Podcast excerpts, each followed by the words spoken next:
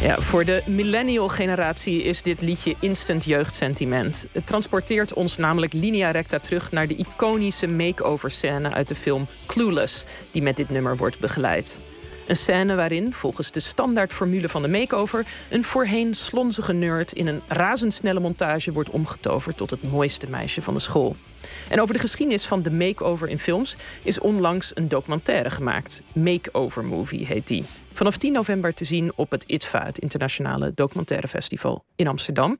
En Amerikanist Annelot Prins, die celebrity cultuur en feminisme bestudeert, die bekeek de film voor ons alvast. Goedemorgen Annelot. Goedemorgen. Ja, je hebt uh, de docu al uh, kunnen zien. Wat vond je ervan? Ik vond hem heel leuk. Uh, de Makeover Movie is eigenlijk een video-essay. Duurt nog net geen 20 minuten. En het is gemaakt door Sue Ding, die daarin met haar vriendin een commentaar geeft... inderdaad op allerlei makeover films. Aan de hand van een verzameling clips van, ik geloof wel meer dan 100 films.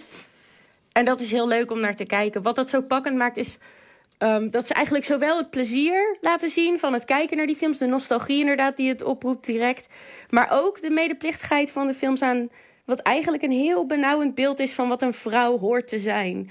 Um, dat legt de documentaire ook heel goed neer. Ja, dus, dus, dus het plezier en, en, en, misschien toch ook wel de, de donkere kant van de makeover. Maar ja, voordat we daarop, ja. daarin duiken, uh, wat is een makeover precies? Wat, wat is dit? Of, laten we zeggen, ja, wat is die scène? Want het gaat vooral over makeovers in films. Hè? Wat, wat, wat is dat? Ja. Nou, eigenlijk legde je het net al heel goed uit. Uh, makeover films gaan over transformaties van vrouwen die inderdaad eerst dan wat lomp zijn, wat nerdy. En dan in de loop van de film worden die getransformeerd in hele elegante, charmante dames. Uh, die transformatie die vindt eigenlijk altijd plaats via consumptie. Dus er wordt heel veel geld tegen, tegenaan gesmeten. Dan kun je denken aan uh, dure kappersbezoeken, de waxbar, waar vaak al onthaarde benen nog een keer onthaard worden in de makeoverfilm.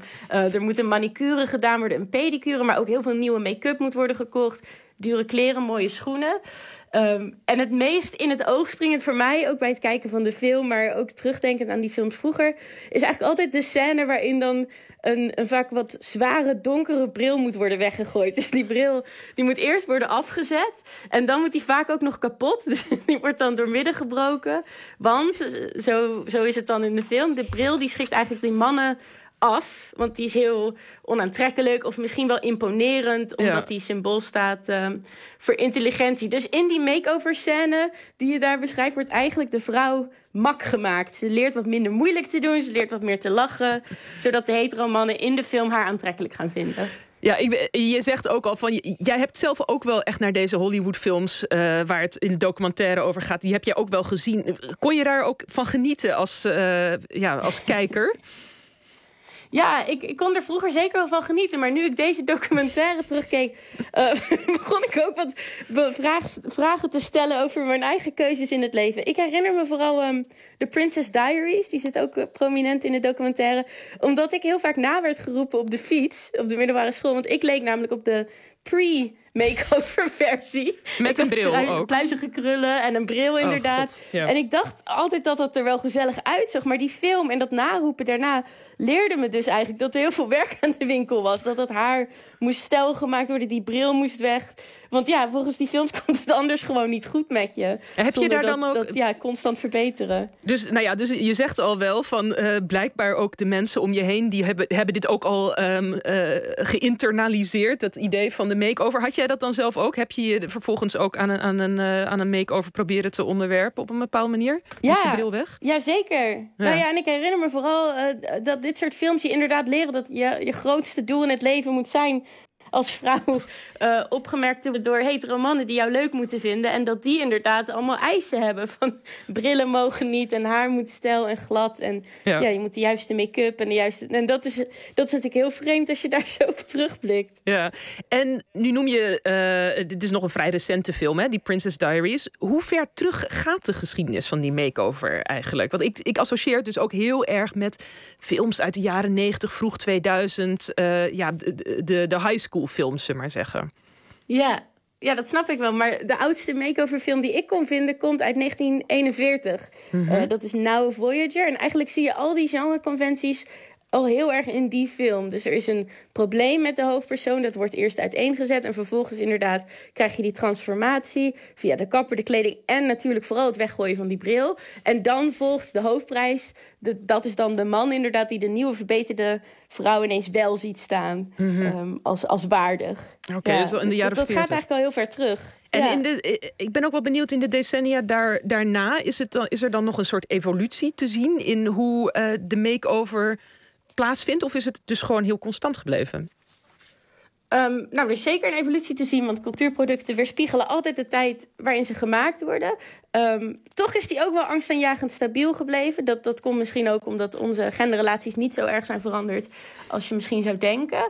Uh, maar ik heb wel zeker zo'n historische lijn kunnen vinden. Dus in de jaren 50 ligt er bijvoorbeeld een compleet andere druk op die make-over dan tegenwoordig. Omdat vrouwen gewoon nog niet in zulke grote getalen aanwezig zijn op de arbeidsmarkt. En het dus heel belangrijk is om aantrekkelijk te worden gevonden door een man die jou dan vervolgens hopelijk financieel wil onderhouden. Op een gegeven moment krijg je dan uh, de tweede feministische golf. Ik ga er nu heel snel doorheen. Hier ja. kan je natuurlijk goed, dus, boeken over schrijven. Ja, precies. Want dus in de jaren 50 dan moet je getransformeerd worden tot huisvrouw bijvoorbeeld. Dus niet, niet, ja, niet precies. tot. Uh, en, ja. heel, uh, heel mooi. Niet tot supermodel zoals in de jaren 90. Nee, ja, ja. precies. En dan dat verandert dan een beetje tijdens die tweede golf, waarin je inderdaad niet alleen een supermodel moet zijn, maar ook heel zelfverzekerd, heel sexy, heel stoer. Je moet eigenlijk kunnen laten zien uh, dat je de touwtjes van je leven in handen hebt. Denk aan uh, Sandy in Greece, is een soort voorbeeld daarvan. Dat is een mhm. zelfverzekerde stoot, geen passief mooi prinsesje meer.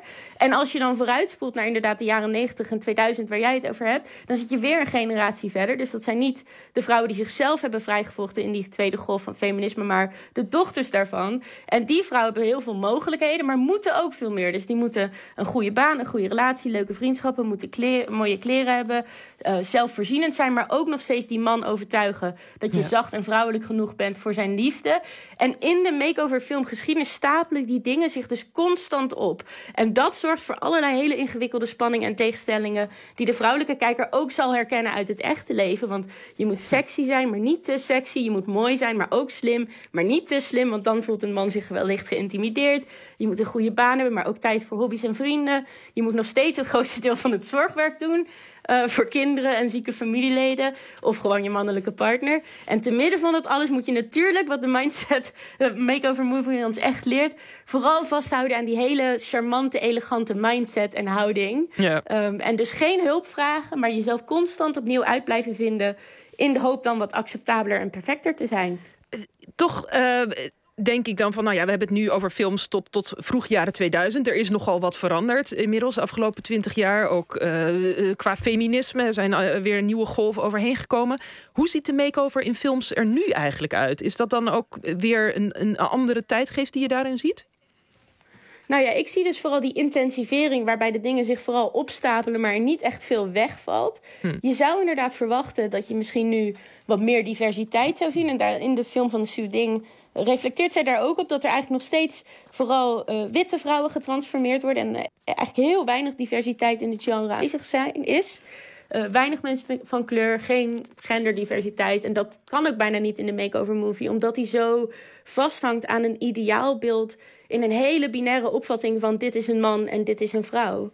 Ja, dus, dus er zit ook niet heel veel ruimte in. Nee, eh, nou ja, dan ben ik toch benieuwd. Uh, denk je dat, dat de makeover dan nog toekomst heeft? Of gaat hij op een gegeven moment wordt het gewoon achterhaald? Dat we zeggen van ja, dit, is, dit, dit, uh, dit, dit, dit, dit vrouwbeeld bestaat misschien niet meer. Dit, dit nauw omlijnde vrouwbeeld. Nou ja, zelf heb ik mijn bril alweer een paar jaar op. ik stel ook mijn haren niet meer. Dus de makeover film die die kan mij er niet echt meer van overtuigen dat, uh, dat de vrouwen om mij heen en ikzelf niet al gewoon leuk zat zijn. Maar goed, kijk, de toekomst van de makeover.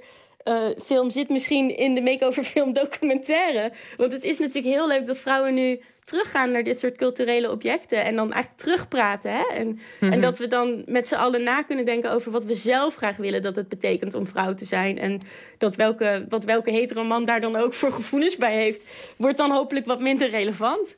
Ja, precies. Nou ja, dus misschien is daar nog uh, in ieder geval de, de, de make-over, de gemake-overde vrouw... die uh, begint langzaam te reflecteren op, op hoe zij is gemake-overd. Nou ja, ik ben benieuwd waar het heen ja. gaat in de toekomst. Uh, dankjewel, Annelot Prins, Amerikanist en schrijver over celebrity, cultuur en feminisme. En wie de film wil zien, Makeover Movie... die gaat op 10 november in première tijdens ITVA... het internationale documentaire festival in Amsterdam.